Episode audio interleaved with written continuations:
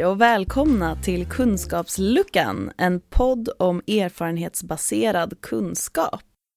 Tanken är just det att eh, socionomer ska samtala med eh, människor och prata om ja, deras erfarenheter av livet överlag, men också deras erfarenheter av att träffa socionomer och eh, både negativa och eh, positiva erfarenheter för att vi som socionomer eller socionomstudenter ska lära oss hur vi kan eh, bli bättre på att bemöta människor.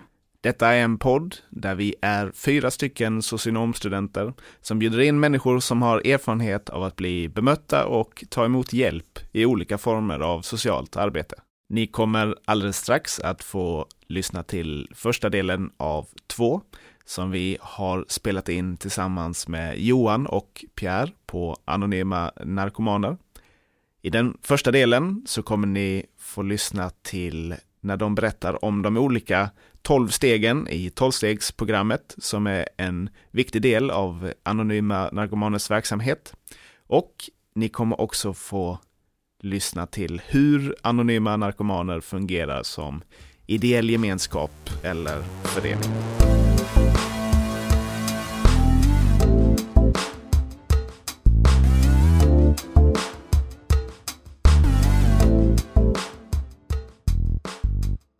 Hej! Nu är vi tillbaka. Eh, det här är Kunskapsluckan, en podd om erfarenhetsbaserad kunskap.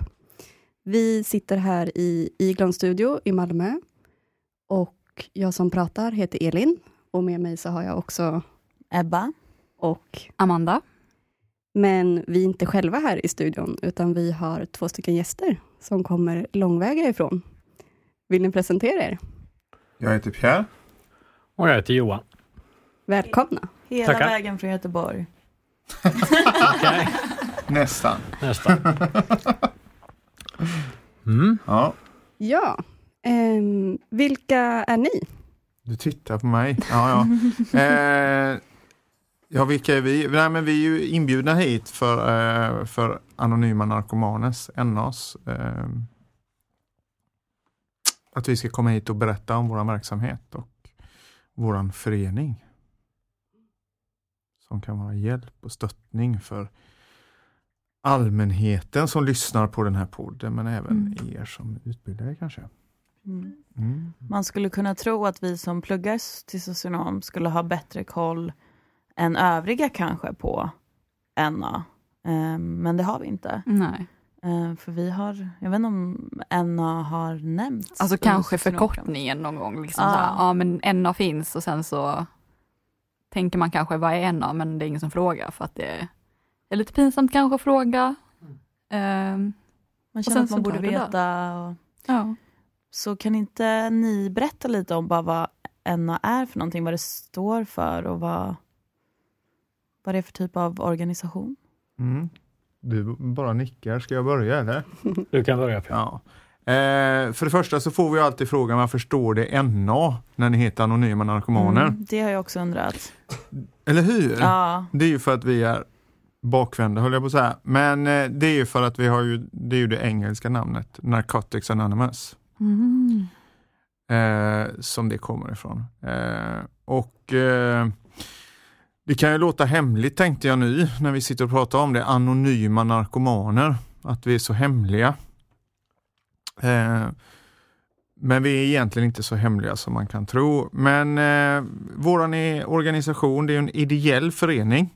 Det är, ju, det är ju ganska bra att veta att den faktiskt är ideell. Det finns inga eh, som är anställda utan det arbetet som vi gör som vi sitter här idag, det är ju helt ideellt. Eh, och eh, vi avböjer också bidrag utifrån eh, från vår organisation utan vi vill vara självförsörjande. Så därför så eh, är vi ute och föreläser eller gör uppdrag för NA eh, på något sätt så gör vi ju det ur eh, ur egen ficka eller ur organisationens ficka, så kan man ju säga. Eh, och vi lever ju bara på de bidragen som vi själva skänker till Okej. vår organisation. så medlemmarna skänker bidrag och det är så det går Ja. runt. Ja, Mm. Räcker det? Ja, ja. det blir ju inte större än vad vi gör det till. Okej. Men NA är en stor förening. Hur många medlemmar Finns det? Det är anonymt. Så det Ja. vet ni inte? Så det vet vi inte. Nej. Det, är ju, det där med att frivilliga bidrag, det är en sanning med modifikation. För eh, eh, vi säljer ju också litteratur. Vi har ju våran egen litteratur eh, om våran eh, beroendesjukdom. Och när den säljs så får vi också in pengar den vägen såklart. Som Men- hjälper oss. Ja. Om vi nu ska ta lite historik, alltså det, det startar ju 1953 i USA, Los Angeles och eh, det, ja, Anonyma Alkoholister är ju i föregång, alltså moderskeppet till alla tolvstegsprogram. Och det var ju några stycken där som inte riktigt kunde identifiera sig med alkohol och alkoholism. Och, eh, Jimmy Kay, det är den enda jag känner till, då, namngivet då. De förstod att det är liksom någonting mer. Vi be, de var liksom, behövde någonting mer än A kunde erbjuda. Och det var ju många i A med som förstod detta, som hjälpte till då att starta Anonyma Narkomaner. Inte för att putta ut utan mer kärleksfullt hjälpa de beroende då att hitta sin egen gemenskap. Så då startar de ju, det är ju lite tvistat om var de startar, men om det är Los Angeles som det startar på flera olika ställen samtidigt.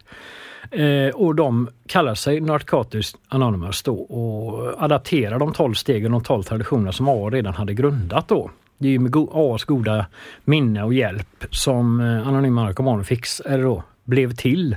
Och jag menar det har ju liksom, i USA på den tiden så var det ju jag trodde det var lagstiftat att eh, om man säger då knarkare får inte stå i grupp. Då kan de bli arresterade. Va? Så många, många av mötena var på A-tider fast ett rum innanför. Där de hade A-mötet. Men det, det blev ju förändring. Jag vet inte om det står här till 83 eller någonting i den stilen. Det blev en förändring. Så då kunde anonyma narkomaner mer ja, stå för sin egen sak så att säga. Och jag menar vi pratar lite grann om hur mycket, hur många är det och vi har ju liksom 60 tu- 67 000 möten i 130 länder. Så det har ju, händer ju grejer. Från att från 1953 hade ett möte. Wow. Så det, det händer ju grejer. Vi har ju funnits i Sverige sedan 1987 och det tvistas lite om var det första mötet var. Men, eh, men eh, sedan 1987 så har, vi, har man kunnat gå på möte i Sverige i alla fall.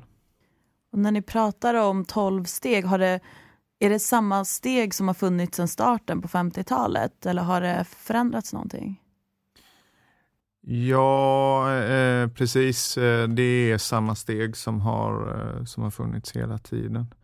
Eh, och eh, eh, Vi har ju som, jag kan förklara lite det, det ju, vi har ju som 12 steg och 12 traditioner. Eh, de 12 stegen kommer egentligen ut efterifrån att, att jag behöver jobba med mig själv som beroende. Eh, och det är egentligen det första steget som handlar bara om droger. De andra stegen handlar egentligen om hur, hur, hur, hur drogerna har inverkat på mitt liv, men hur jag är och, och, och det är en inventering i mig själv. Eh, så att jag ska hitta de nycklarna för att inte falla tillbaka. Det är en arbetsmanual egentligen. Som är helt fantastisk. Alltså, och, eh, jag brukar säga att det är, ju, min- det är min instruktionsbok. Eh, där jag kan ta vissa delar i mitt liv och fokusera på just där och då. Eh, och traditionerna är ju en arbetssätt fast i gruppen. För vi är ju medlemmar i grupper. Vi går ju på våra möten, på våra NA-möten och, och, och många har säkert sett det på film. Jag vet inte om ni har sett det på film någon gång. Man reser sig upp och hej, jag heter Just Pierre det. och jag är en Mm. beroende. Mm. Eh, och, eh, och traditionerna handlar ju om hur vi ska fungera i gruppen. Mm. Ni vet ju själv säkert, ni går ju, ni går ju utbildning hur det är i Mm. klassrummet. Eller, eh, och hur ska man fungera? Mm. Hur, hur fungerar vi på en arbetsplats? Och här har vi våra traditioner, hur vi ska fungera som organisation. Mm. Mm. Och vilka som får vara med och inte. Och alla får ju vara med. Eh, våran tredje tradition säger att, att, eh, att det enda som krävs för medlemskap det är en önskan att sluta använda. Mm. Så använder man någon form av substans eh, och kan känna igen sig i det här med beroende så är man jättevälkommen på våra möten. Så man måste inte vara helt drogfri för att få komma? Nej, du behöver inte vara drogfri på våra möten. Nej. Eh, utan eh, däremot så rekommenderar vi NA total avhållsamhet från alla sinnesförändrande medel.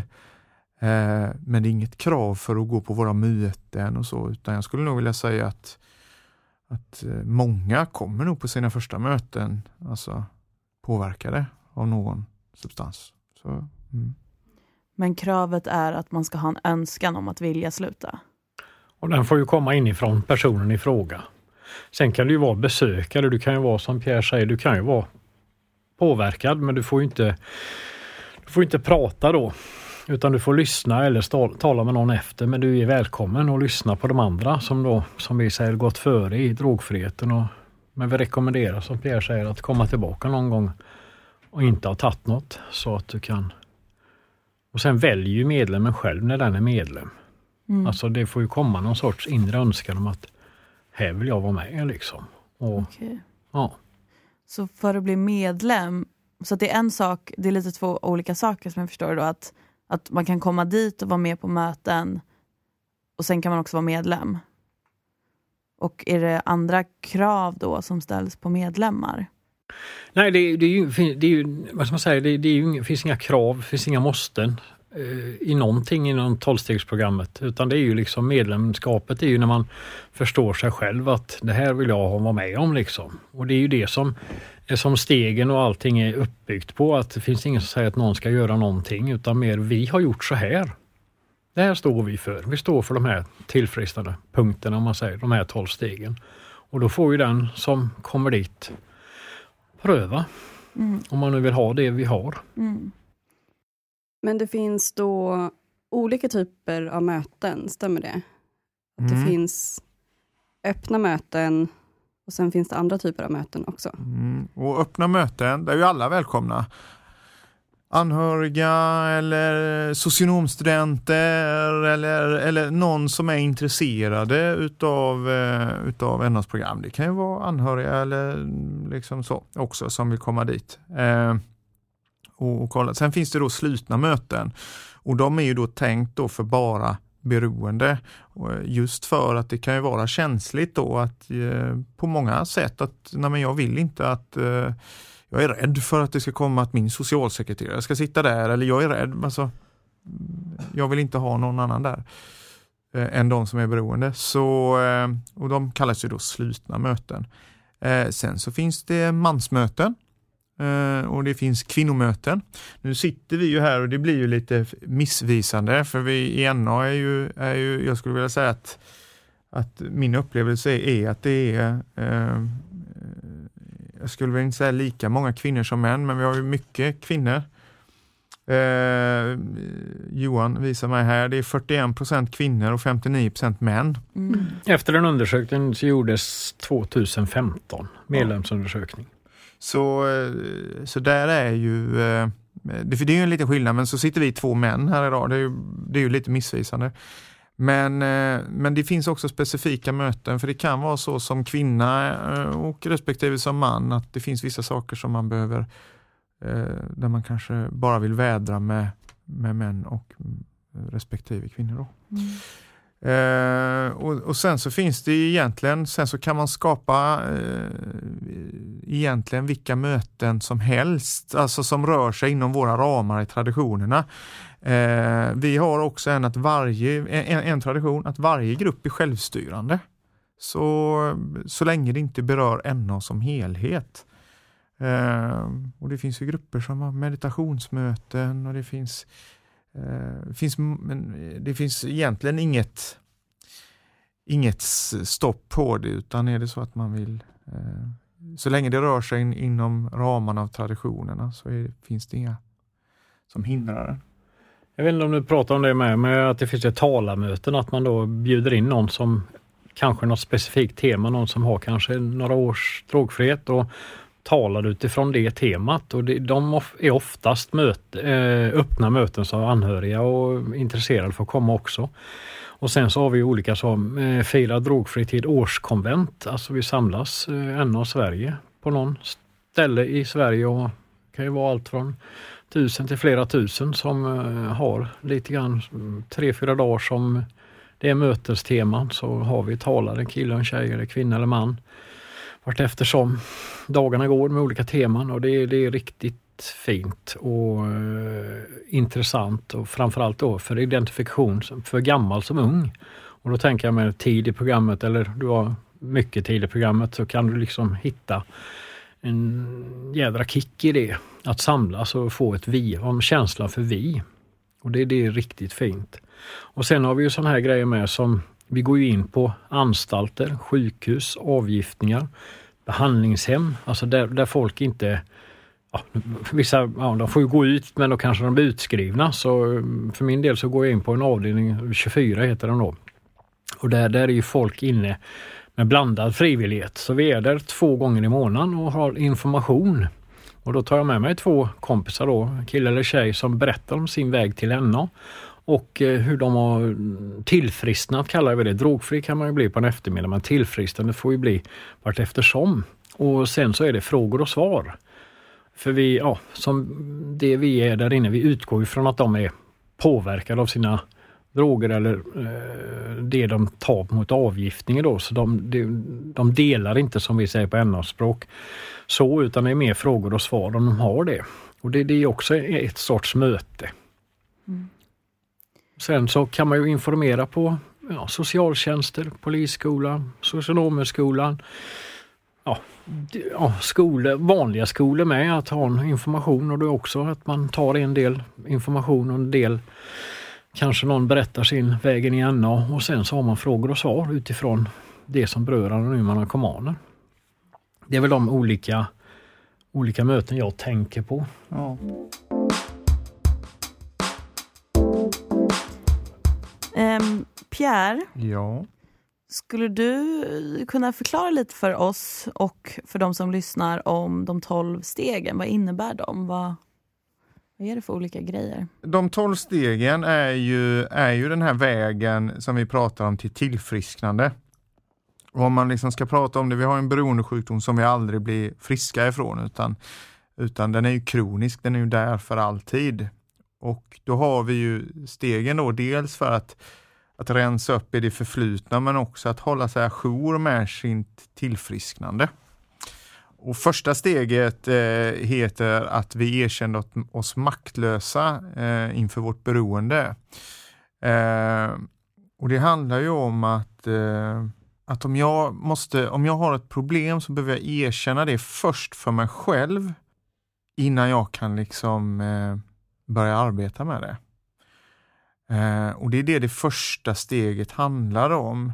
Eh, vi erkänner att vi var maktlösa inför vårt beroende och eh, varför det kommer jag inte ihåg det. Och vi fick vårt förstånd tillbaka. Och vi hade förlorat, fan Johan ta fram det, ni får klippa här. Nej men som sagt, eh, första steget då som handlar om att vi erkänner oss maktlösa inför vårt beroende eh, och att våra liv hade blivit eh, ohanterliga. Alltså att jag, att jag förstår det. Eh, och och jag tror ju, det, det, det, står ju också i vår litteratur, men jag tror ju också att så är det. Det är ingen som går till NA för nöjes skull. Utan man går ju dit för att sitt liv har blivit ohanterligt. Och, och, och det är som ett, antingen så har jag fått det från någon annan eller på något sätt så hittar jag ju dit. Och, ehm, och då har jag ju någonstans insett att så här, men det här är ett problem, jag, jag behöver faktiskt hjälp. Jag klarar inte det här själv. Eh, och då har jag nog erkänt det för, för mig själv. Eh, I min egen del, jag kunde ju liksom, när jag var aktiv beroende så kunde jag ju liksom, jag kunde ju glatt säga det, fan jag är en knarkare och vara stolt över det. Jag var stolt över det. Eh, när jag sa det till andra, men jag hade ju inte riktigt, det hade, det hade inte liksom bitit i mig liksom på riktigt. Sådär. Eh, och, och, och, steg två handlar egentligen om att, eh, att, att liksom, ja, men vad finns det för hjälp för mig? Vad, vad, vad, finns det för hjälp för mig utanför mig själv? Liksom? Vad, vad, kan jag, vad kan jag få för hjälp? Och, eh, och, det heter, och den heter att komma till tro på en kraft starkare än vi själva och som kunde återfå vårt förstånd. och, och, det är också det här med att, att eh, och det kan jag ju nämna, många, många kan ju tro att, att en är en religiös vi pratar om Gud och vi pratar om kraft och sådär. Men egentligen så är vi inte det. Vi är ju icke-religiösa. Mm. Eh, och, och, jag är ju eh, jag är inte ens med i någon liksom, församling överhuvudtaget, så det har inte med religion att göra. Utan egentligen så handlar det om att, att jag har ju lagt mitt liv i händerna på drogerna i hela mm. mitt liv. Sa någon ta det här, det här är jäkligt bra, så stoppar jag i mig det. Jag ifrågasatte ju inte utan jag bara stoppade i mig det. Och när man är där så behöver jag, jag behöver i alla fall någonting som väger tyngre. Någonting som kan stoppa den här hjärnan att sätta igång. Någonting där jag kan lägga över. Eh, och, och, och, det kommer väl det in. Och, och då kommer vi över till eh, steg tre då som är egentligen eh, att, att vi beslöt oss att vi lämnade över våra egna liv i händerna på, på Gud så som vi uppfattade honom. Eller så som vi uppfattar honom. Och det är också en, en, sån här, Gud är ju egentligen bara då inom situationstecken ett, jag skulle vilja säga ett paraply. Mm. En, en, en, som en paraplyorganisation eller Eh, det får vara precis vad du vill att det ska vara för dig. Bara det hjälper dig. Och, och är, du, är du religiös då, men fine, det är väl helt okej. Okay. Det, får ju, det, får ju, det får ju du ha då. Och för någon annan kanske det är en, en NA-grupp som hjälper mig. Någon som jag kan fråga. För att om jag frågar mig själv så får jag det svaret utifrån mitt beroende. Så du menar då att man kan vara ateist och att det i sig kan vara någonting som du lägger över på, liksom att det, eller funkar inte det då om man inte tror på någonting? Den som inte tror på någonting tror ju på det. Ja exakt, det var det jag försökte, funkar det då? då men att... men som, som, som jag då, som, som jag har ju valt att ha eh, i, i, många år så valde jag ju att ha min NA-grupp. Och, och, vi har ju någonting, för att jobba med de här stegen överhuvudtaget så rekommenderar vi att vi har en sponsor. Och med det menar vi någon som har jobbat i de här stegen innan, som kan vägleda mig i de här stegen. Och Det är en person som jag kan fråga. Nu ska inte jag lägga över att en person skulle kunna vara min gud, men en grupp är ju starkare än mig. Mm.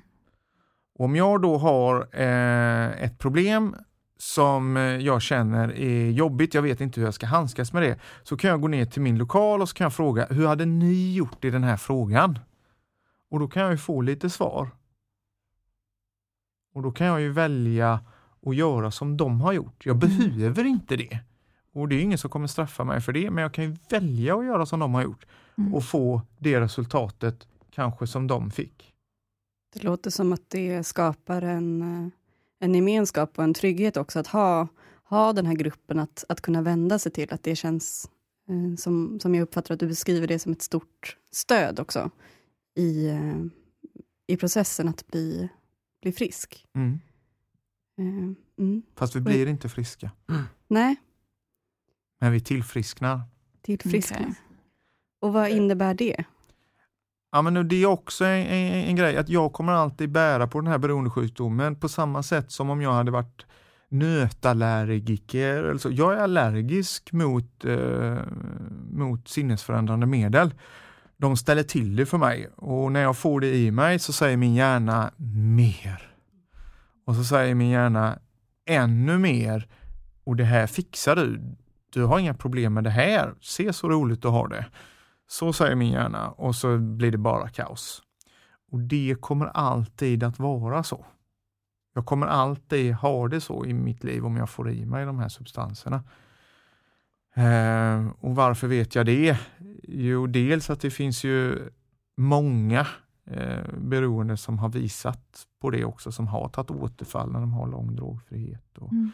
och sådär. Det är mycket som tyder på att det är en en kronisk sjukdom och jag vill inte testa. Um, så, så så är det. Jag, men, men grejen är det att min sjukdom gör ju också det att, uh, att uh, när, uh, när det går ett tag, om jag inte liksom går på mina möten eller gör de här sakerna som jag och det låter, inte, det låter kanske jobbigt, men det är det inte. Jag gör en massa åtaganden i mitt liv för jag gillar det. Mm. För att det hjälper mig och det stöttar mig och det, det är en god grej. Eh, Du hade dina rutiner och du, du gör dina åtaganden för att du vill det. Ja, ja men för anna, an, annars är det ju så med att jag har ju eh, förnekelse i mitt liv. Som helt plötsligt så kanske jag börjar tänka att jag inte hade några problem. Mm. Om jag inte har några problem, ja men då kan jag ju ta lite då och då. Mm. Och när jag tar lite då och då så kommer ju min hjärna säga att du kan ju ta lite då och då. Mm. Och lite då och då be betyder ju i mitt liv varje dag hela tiden. Mm. Men det kommer ju insmygande så att därför så behöver jag också hålla det här färskt. Så jag behöver jobba i de här.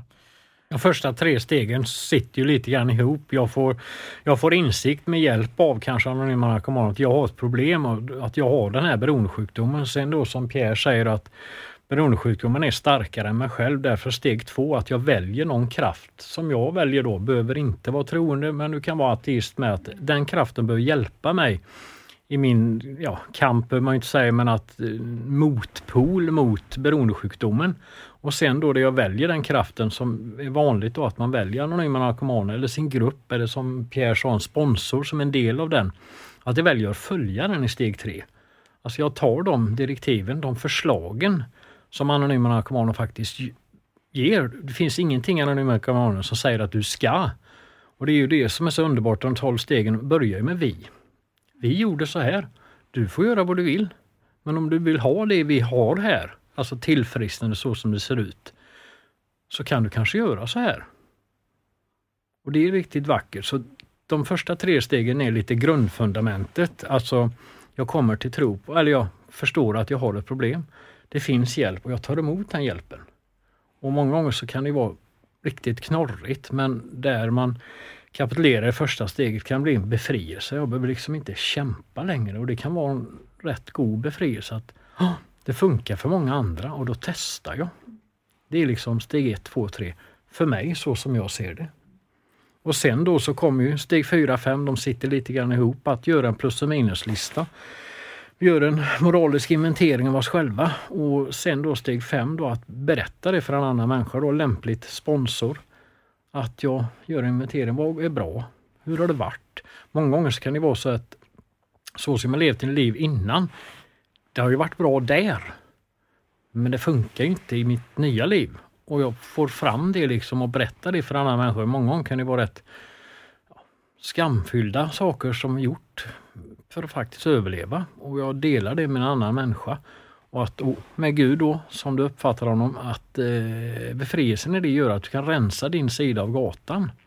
Och faktiskt kunna komma på hur, hur det har varit och hur vill jag bli. Och jag menar saker, det är ju som en affär. Jag menar tar man inte en inventering på en affär, då har man kanske grejer kvar som är osålda. Då får du bli inte av med det, du måste bort med det och så in med det nya då. Och det är också en sån här grej att vi har ju goda eh, sidor också att förstärka dem. Eh, det är väl vad jag ser som steg 4, 5 faktiskt. Kanske dela det som man inte har gjort och sagt till någon annan människa. Alltså som helande genom delande. Man delar ju på mötena att faktiskt bli tillfreds med sin historia. Och jag tänkte med på det Johan, som du, som du nämner där, det här med eh, för jag vet själv i mitt eget när jag, när jag använde och gjorde eh, massa saker mot mig själv, mot andra människor och sådär. Så den upplevelsen av mig själv kan vara så jäkla alltså skamdriven. Och, och, liksom, och, och, och den rösten som jag hade inom mig, alltså det här självföraktet. Och, och, och när man börjar bena i det som fyra och fem och också att, faktiskt se det, det är det som du var inne på, att ah, men vänta nu, jag har ju faktiskt massa positiva sidor också. Och, och det som kändes, nu ska vi inte förringa någonting, för sådär, men, men ibland så kanske jag har en ännu värre bild av mig själv än vad det faktiskt egentligen var. Mm. Och det är också viktigt att faktiskt kunna se det. I- Emellanåt så var det, och som Johan sa, då, det här med att faktiskt att kunna förstärka dem och lyfta upp dem. Eh, För människor är faktiskt människor och vi har båda sidor. Det har alla. Men eh, men eh, de negativa har väl varit förstärkta under många år.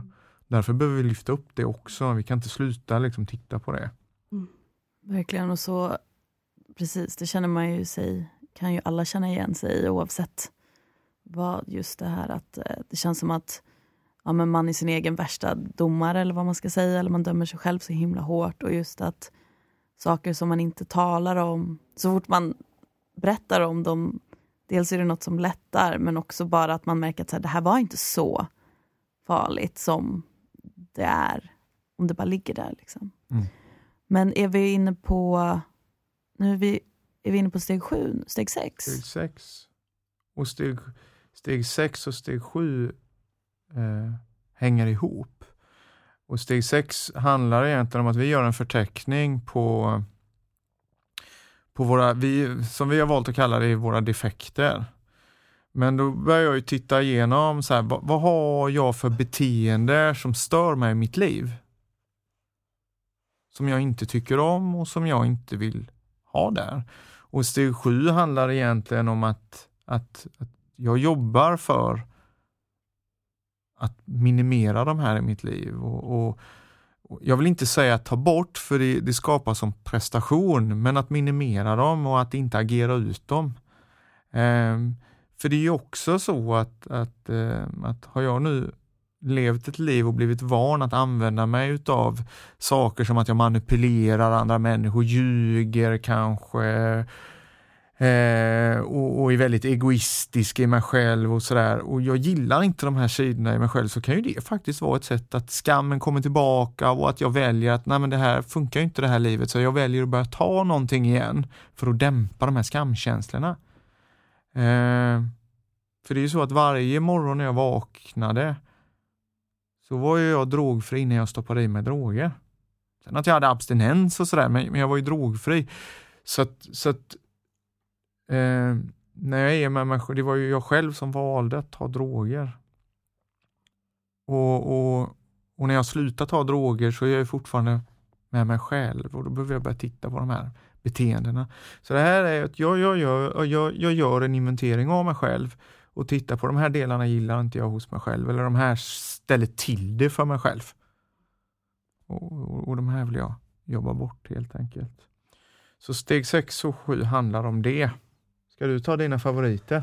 8 och 9? Ja, steg 8 och 9, de, de hör ju också upp, de går lite grann i par de första tre där. Nej men sen så är det så att vi gottgjorde så långt möjligt människor personligen, de, de skadar i vår omgivning. Alltså eh, att vi, vi gör en lista på de personerna och man kan ju börja med sig själv. Den brukar ju vara sist men eh, börja med sig själv, sen är det ju familj, sen är det ju ja, ringarna kan ju bli längre och längre, större och större så att säga. Och att faktiskt skriva en lista på alla dem så att det kan ju vara, man kan ju se som beroendet har, och jag, för min del så har jag ju liksom, jag tror jag, min upplevelse är att jag föddes med beroendesjukdomen på det viset ens innan jag testade någon drog så jag kan ju liksom gå tillbaka rätt långt. Och sen då få, få en lista och den är, det är också som Pierre säger, vi gör ju det i samråd med vår sponsor. Och för våran del så är det ju en man till en man, kille till en kille och en tjej till en tjej. Och, eh, kvinna till en kvinna då, alltså som en av rekommenderar. Och att man blir guidad i detta. För det kan ju liksom, ja, första gången jag såg då Stig 8 så tänkte jag herregud, nu ska jag åka cykla runt på landsbygden här och säga hej och pallade äpplen hos dig där och en 30-åring. Men liksom, det är inte det det handlar om. Det handlar om människor och, och, och att man faktiskt gör lite rent hus. Jag sa det innan med att städa sin egen stad. Jag behöver liksom inte gå över gatan när jag ser någon som jag inte riktigt tycker om att träffa utan det ligger mycket hos mig då. Och sen då steg 9. Jag gottgjorde detta så långt möjligt personligen utan att kunna skada dem eller andra. Jag menar, jag kan ju inte liksom gå fram och erkänna någonting som skadar tredje person för då, då, då liksom, nej det är ju inte så gott då. Men med guidning av min sponsor faktiskt börja beta av på den här listan. Jag vill ju göra detta, jajamensan. Och för min egen del personer då. Alltså det är bland de finaste möten jag haft med min morsa, med mina syskon, och med min son. Alltså det, det liksom den. Och sen då för min egen del så var det liksom, som jag sa, jag kunde inte cykla runt och berätta, här har jag gjort inbrott, utan det blev en mer övergripande för mig och min sponsor då som vi jag tog ju ett gäng ungdomar mellan 14 och 20 år och tog med dem till en anstalt. Så lät dem komma med in i anstalt. som en gottgörelse för den kriminaliteten jag hade gjort då. Och de fick träffa internerna och så gjorde det ett par gånger för en kommun i närheten. Man kan göra olika gottgörelser. Sen är det då ekonomiskt får man ju det, det, är inte så svårt. De, till och med myndigheter kan ju söka rätt på en som man säger så. Men att eh, faktiskt också ekonomisk gottgörelse efter bästa förmåga, det kan ju ta tid ändå. Men att faktiskt göra lite rent hus och det kan ju vara där man liksom från att ha tittat ner i marken till att faktiskt kunna lyfta huvudet. För det, är, det, är, det är en process allting det här. Det är en ja, livslång process. Det var det jag tänkte på, steg 8 9. Ja, jag tänkte på i alla de här stegen som vi pratar om, det finns alltså, det, alltså vinsten är ju, är ju inte bara tillfrisknandet utan vinsten är ju faktiskt att, att, att leva i mig själv och att det känns gött och att jag faktiskt kan bli stolt över den jag är idag och just det där vi pratade om skam innan. Att kunna, att kunna bli, jag ska inte vilja säga skambefriad, men att den inte äter upp mig och att det är okej. Okay. Och framförallt de här stegen är ju det är precis, du, du, beskriver det bra Johan, det här med att lyfta blicken, men det är ju att jag släpper skammen och det, det är väl det som är eh, det är vinster. Och jag, det, det, ibland så vet jag när man pratar om, om stegen och sådär att, att liksom folk säger oh, ska ni hemskt mycket jobb och inventeringar och hit och dit. Så här. Men det är ju vinster, det är, det är gött liksom. För det, det är många som utbrister då, jag med dem alltså, precis som Pierre säger, åh, så många grejer jag måste göra. Men alla de här gagnar ju mig, så dels kan jag komma till ro med mig själv och med min omgivning. Så det underlättar för mig och min drogfrihet framåt. Alltså det är ju det som, alltså göra rent hus, städa sitt hus på ett sätt alltså. Och sen har jag städat mitt hus, ja då är det öppning för att bjuda in andra. Att jag faktiskt kan gå förbi det här är skuld och skam att vi går runt med en stor skylt, står knarkare, problemmänniska.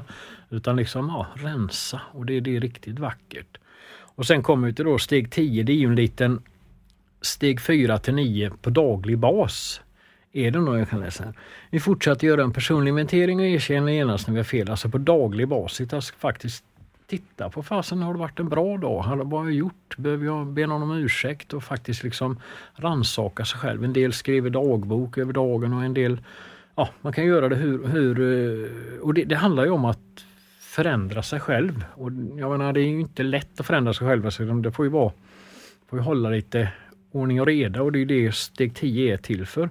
Ja, men har du gjort steg 10 x antal gånger nu så kan du ju nästan känna igen att du behöver säga någonting till någon redan när du sagt det.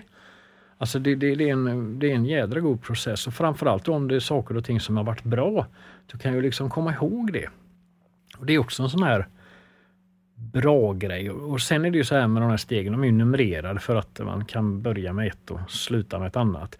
Men det här tionde steget är ju någonting man kan börja med direkt i drogfriheten. För att faktiskt, och det är ju någonting som du föredrar en dag i taget. Jag är drogfri idag. Vi ser vad som händer imorgon. Alltså ta ett beslut på morgonen. Jag ska vara drogfri vad som än händer. Så får jag inventera vad som hände under den dagen att faktiskt bygga upp mig själv som människa. Och det, det är riktigt fint. Så allting de här är ju för att hjälpa mig själv till att kunna fortsätta. Eh, steg 11 då. Vi sökte genom eh, bön och meditation att fördjupa vår kontakt med Gud så som vi uppfattar honom. Och det är också det där att, att, att när livet eh, drar på och eh, eh, vi, vi liksom någonstans kommer in i samhället igen så behöver vi också jorda oss och, och just det här med meditation eh, eh och bön. Och att, eh, liksom, det låter så, nu är ni inne på det där religiösa igen. Jag har, låter jag kanske sjuk, vi får se. Men jag har ofta samtal med mig själv. Alltså sitter du i bilen och grunnar och tänker och ja, Elin vinkar, hon känner igen sig. Eller hur? Och det är också någonting sådär, och jag tror att för många när det skiter sig i ens liv så bara, åh gode gud ta mig härifrån. Eh, men just det där med att, att faktiskt börja fördjupa sig att, ja men vänta nu, det jag tänker och gör och vill och allt det kanske inte alltid är i rätt linje. Eh, utan mitt bästa, mitt bästa tänkande tog mig till anonyma narkomaner. Det är ju fantastiskt. Men om man tittar på vad var det som gjorde som tog mig dit så är det förödande. Alltså, så. Det, det, det, jag, jag önskar ju ingen leva det livet som fick mig till anonyma narkomaner. Jag, jag, jag gillar ju att ha det i mitt liv. Men jag önskar ju kanske ibland att, ja men fan varför har jag den här beroendesjukdomen? Sådär. Nu är jag ganska tacksam över att jag har den här beroendesjukdomen för att jag har ett program jag kan följa. Alltså, många som läser igenom de här stegen säger så här, wow, det skulle alla behöva göra. Wow, tänk vad skönt att ha en manual och liksom gött att följa sådär. Och, och, och, och jag brukar säga det att i, i bönen då ställer jag mina frågor och när jag mediterar då får jag mina svar. Och, och, och jag behöver ha jordning, landning. Eh, ja, för mig är det så att jag, jag är nog ganska eh, liksom, stresskänslig egentligen, så jag behöver ha det här där det är lugnt och stilla och, och, och liksom där jag kan vänta in mig själv och, och sådär. Eh. Jag tänker ju, alltså just med det där att man kan bli lite avskräckt av att det står Gud och men är in, alltså det är ju inne med mindfulness. Det är ju, det är ju någonting som kommer mer och mer. Och Vi det är, är för moderna. Att, ja, så att jag menar det är ju inte Alltså jag är ju verkligen inte troende, och, men jag alltså mediterar liksom, det behöver jag och det vet jag att jag behöver, jag är skitdålig på det, jag, jag gör ju inte det. Men ibland så känner jag ju att jag behöver ta en paus från livet, för att det händer ju så mycket och så att det behöver inte vara något konstigt tycker jag. Uh, nej. Och att meditera kan också någon bygga upp och bli väldigt stort. Du måste sitta på en kudde i lotusställning och liksom sådär. Och för mig så handlar det ofta att, att att göra någonting medvetet. Jag kan gå ut och ta en promenad, men att jag har bestämt mig för att nu, nu ska jag ta den här promenaden och jag ska försöka vara i promenaden. Du pratade mindfulness och det är ju, det är ju lite det det handlar om, att vara här och nu och inte hålla på och värdera saker eller liksom fly iväg i saker utan att kunna vara här och nu. Och liksom ta det lugnt. Och Det är väl det det steget, i alla fall för mig, handlar om. Att, att, att liksom bottna mig i det och börja också så här utforska mig själv mer. Så att, återigen, de här stegen är för att jag ska lära känna mig själv igen, för jag tappade bort mig när jag var liten, när jag började stoppa i mig kemiska preparat. Sen har jag tappat bort mig. Och den lilla killen som började med det, han, han har ju någonstans velat växa och få utvecklas och så, men han har ju fått, fått vara undanstoppad. Så är det ju. Och steg 12 då? Det är nästan så vi skulle läsa det tillsammans. Nu, men det ja, lite snälla gör det. Men, men, eh, som ett, nu läser jag, men som ett resultat av de här stegen så har vi fått ett andligt uppvaknande. Och, och vi vill föra, föra det vidare till de beroende som fortfarande lider eller till andra beroende. Och, och, och, det är väl också det som, och att jag ska använda det i alla mina angelägenheter. Och det är väl också just det där att, att, eh, att nu när jag har gått igenom alla de här stegen så har det hänt saker med mig och då har jag också liksom börjat inse att fan, fan livet är ju rätt gött. Jag är rätt god. Jag är rätt schysst, jag är rätt okej. Okay. Fan, jag är en människa som har lika stort värde och lika stor plats på den här jorden som alla andra har. För jag tror att det är någonting som vi många kan identifiera sig med att man inte har tyckt. Och, och, och, och, och, i detta så kan jag också faktiskt säga det till någon annan som, som, som, vill göra det här, att det här funkar. Det gör faktiskt det, det här funkar faktiskt. Eh, jag har varit clean i, i, i maj nu så är det, så är det eh, 12 år och det är inte, vi är inte där än så vi ska inte, som Johan sa, det är bara för idag. Eh, jag är lite där än. men men, men, men och, och, och, det är just det där att det funkar och, och det, det, tycker jag det är viktigt att, stryka under. Eh, det, det, det, funkar ju. Och jag vet till hundra procent, för det har hänt så mycket i mitt liv under de här åren som har både varit Liksom, ja, men det har varit så många tillfällen där jag faktiskt skulle kunna välja att kliva tillbaka till mitt gamla. Både saker som har varit jobbiga som har hänt men också eh, saker som liksom, oho, det här ska firas. Eh, där jag har valt att inte göra det. Och, och, och, och jag, kan, och jag kan säga med, med säkerhet att hade jag inte haft min gemenskap, de här, vi pratar om möten, att kunna gå till min hemmagrupp då som vi kallar det när man går till ett, eller min sponsor eller mina andra vänner i, i, i, i Anonyma Narkomaner, då, då hade jag klivit ut igen. Alltså hade jag inte fått när jag klev in på ett möte de där första gångerna med de som hade längre tid än mig och bara wow, det där funkar, de har ju, de, för de funkar det. Hade jag inte haft det, hade jag inte sett det, då hade jag heller inte trott på det. Och, och, och då hade jag nog varit kvar. Trots förödelsen som var.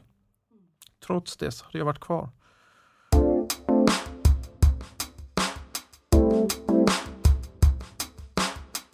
Jag har en praktisk fråga. Kör! Hur funkar det då med de här tolv stegen? För om jag förstod det rätt så behövde ni inte göra dem i ordning, eller? Jo. Du gör dem i ordning. Hur... hur eh, alltså jag tänker på så här tidsperspektiv. Hur funkar det? Liksom? Hur på något sätt klarar du ett steg? Hur vet du att du ska gå till nästa steg? Hur funkar den processen? Vi har en, en arbetsbok, Mhm. ett visst antal frågor. Och när jag har skrivit färdigt de frågorna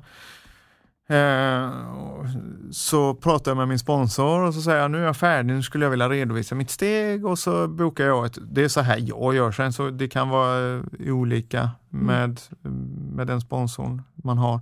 Och så då träffas ju vi och så går vi igenom det här steget. Mm. Och då är det ju lite eh, sponsorn som avgör att, eh, att liksom när jag ska gå vidare och inte. Så jag får ju verkligen liksom börja på nacken och lyssna. Mm. Så.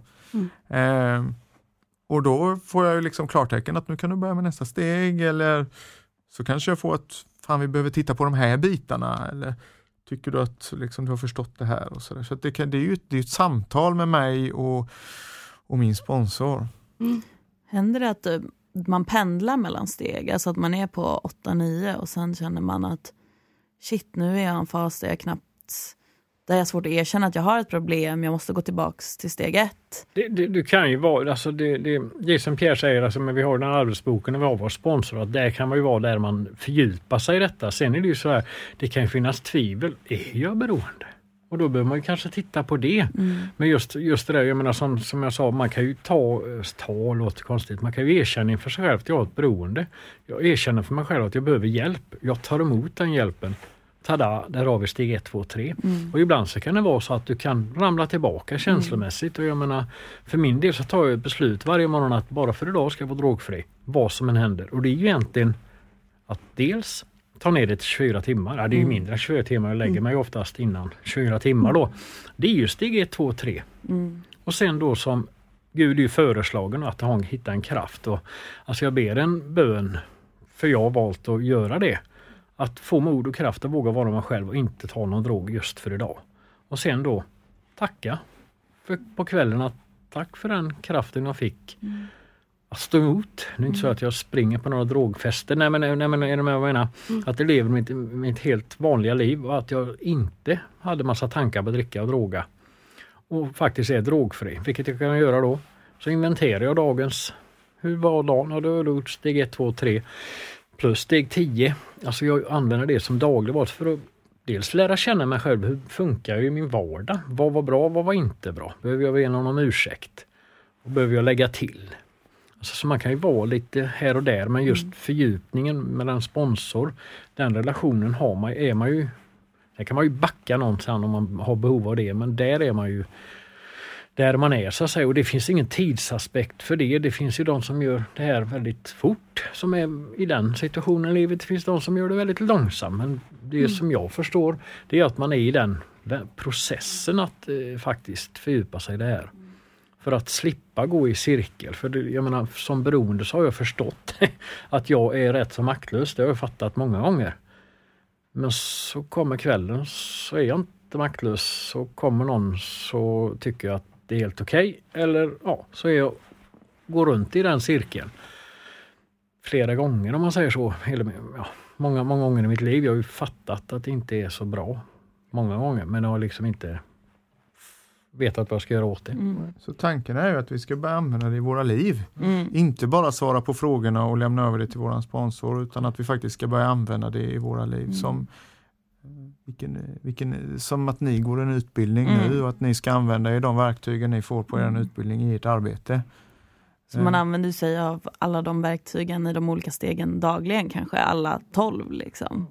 Ja, stegen blir ju att man, gör, man sätter ihop en verktygslåda och ju mer du Ja. har verktygslådan ju mer du använder den. Det är också en sån där, det, många gånger kan man ju beroendet är ju glömskans sjukdom. Underhåller jag inte detta så glömmer jag av att jag har den och när jag glömt av att jag har den så är det helt okej att ta något eller göra något eller ja, i den, den delen. Det, det, är det är lite spännande, det finns någon tidsaspekt, det är också en sån här god grej. Så, jag menar, för min egen del så jag hade ett och ett halvt års drogfrihet, säger morsan till mig så här, "Eh, är det bra nu? Lovar du mig att aldrig mer? Och jag fick ju säga till henne, jag kan inte lova någonting. Jag får ta det, jag får ta det en dag i taget och det är så viktigt. Jag menar, jag kan liksom inte, jag önskar ju inte för allt smör i Småland att ta någonting. Men jag får ta det en dag. Och imorgon tar jag ett nytt beslut. Och jag menar som Pierre var inne på, vad blir det 14 april så är det 18 år Mm. för min del. Och det är ju helt, vad fasen har hänt? Ja, det är ju det som har hänt, det är att jag har bjudit in anonyma narkomaner. För det handlar ju inte om personer i fråga utan det är att programmet funkar på ett sånt sätt. Och just att det säger inte till mig vad jag ska göra för det är ju liksom Många beroende är lite obstinata, jag ska inte säga till tal av alla men eh, man ska inte säga till någon vad de ska göra utan så här har vi gjort. Och det är det mest kärleksfulla programmet. Det är ett väldigt fyrkantigt program. Fast inne i fyrkanten så är det full frihet att göra precis vad du vill. Alltså liksom att hitta sig själv och som jag sa i in, inledning här när vi pratade. Jag känner ju igen min beroendesjukdom långt innan jag tagit en enda drog. Alltså det var alltid liksom smyga lite tjuvröka, skälla lite där. Och det är ju rent personligt så som jag ser det då att sen när jag hittar drogerna så var det liksom hand i handske. Det är liksom hemma. Mm. Och det är ju liksom, ja. Och jag kan ju känna att efter att ha jobbat med de här, med mig själv och fördjupat mig i stegen och gått på mina möten och ja, texter och min sponsor detta att så god som jag är med mig själv här inne i. När lilla Johan liksom har fått ja, upprättelse. Det har nog aldrig varit. Ens innan jag tog några droger och sånt. Och det är det, det är det som är så fint, att hitta tillbaka till sig själv. Eller hitta en ny del av Johan. Så det är ju, det är ju, nej, det är fint. Och det är ju många säger då, "Åh, ska du hålla på med det resten av livet? Ja, för jag väljer det. Mm. Men bara för idag. Kan inte vara drogfri idag för imorgon. Jag vet inte. Mm. Det låter ju inte, jo men det, jag hoppas det låter lite vettigt att Mm. använda den kraften det jag har idag. Det lät så neg- negativt när du sa det nu att men ska du hålla på med resten av livet? Men Ja, men är var, varför ska som- man inte göra det om det Ja, funkar och är ja. bra och är fint Ja. och man har ett sammanhang? Och, Ja. Jag undrar om man kommer till tandläkaren någon gång och han säger så här Nu kan du sluta borsta tänderna nu är du färdig. ja. Ja. Alltså det gör man ju inte. Nej, Utan, eh, folk har så konstig, jag känner igen det du, du säger så mycket saker som jag vill spinna vidare på, det är så intressant men eh, jag känner igen det med så här, folk i ens närhet som har beroendeproblematik och just deras familj och vänner som är så här lova att aldrig mer dricka, typ. Mm. lova att inte göra det här. Mm. Eh, om, om du tar ett återfall till så är det slut. Mm. Liksom. Mm. Och att folk har en så himla konstig bild av vad ett beroende är och hur man jobbar med det. mm. Det är också en orimlig, ett orimligt krav kan jag känna. Och då tänker jag att då kanske en heller inte har eh, så mycket, in, mycket insikt i hur en beroendesjukdom fungerar. Eh, jag tänker bara nu när jag sitter här att jag har lärt mig så mycket, bara att vi Mhm. sitter här och pratar. Mm. Mm. Men jag tänkte på det här, för att det är ju då anonymt. Mm. Hur, eh, hur funkar det? Hur kommer det sig och vad, vad innebär det? Anonymiteten är ju eh, och den här den, den har många olika lager anonymiteten och den är eh, dels att vi ska kunna vara anonyma på våra möten. Det finns ju faktiskt de som kanske förlorar arbete eller eh, kanske till och med att det inte är okej i ens familj och det kanske är att ingen har vetat om heller att man är en beroende utan, utan eh, man ska kunna vara säker och kunna gå på ett, på ett NA-möte. Eh, och att det är anonymt på så sätt. Eh, sen är det ju också det här med att eh, vi vill inte personifiera NA. Eh, och, och det är också av en enkel anledning att det är också att det är bara för idag. Eh, det betyder inte att jag kommer vara drogfri imorgon. Och om man personifierar då NA med mig eller med någon annan då och den personen kliver ut så är det ju lätt att själva programmet och den strukturen eh, eh att, att, att man skrämmer bort eh, andra för att man tror att det inte fungerar. Men det är ju i så fall för att jag inte har gjort så att det fungerar. Jag har valt att inte göra det som rekommenderas kanske då. Eh, men också det att vi ska vara likvärdiga. Det är ingen som ska stå över någon annan. Vi, vi har en sjukdom och det, det är enda vårt huvudsyfte, det är att föra budskapet vidare till den personen som fortfarande lider. Och där är vi lika. Det spelar ingen roll om någon är högskoleutbildad eller att någon är hemlös eller att någon är, är man eller att någon är kvinna eller att någon är, är, är från ett annat land. Eller etnicitet. Det spelar liksom ingen roll utan i våra rum så är vi lika inför varandra. Och det är också viktigt. Vi har inga chefer, vi har inga utan, utan snarare tvärtom.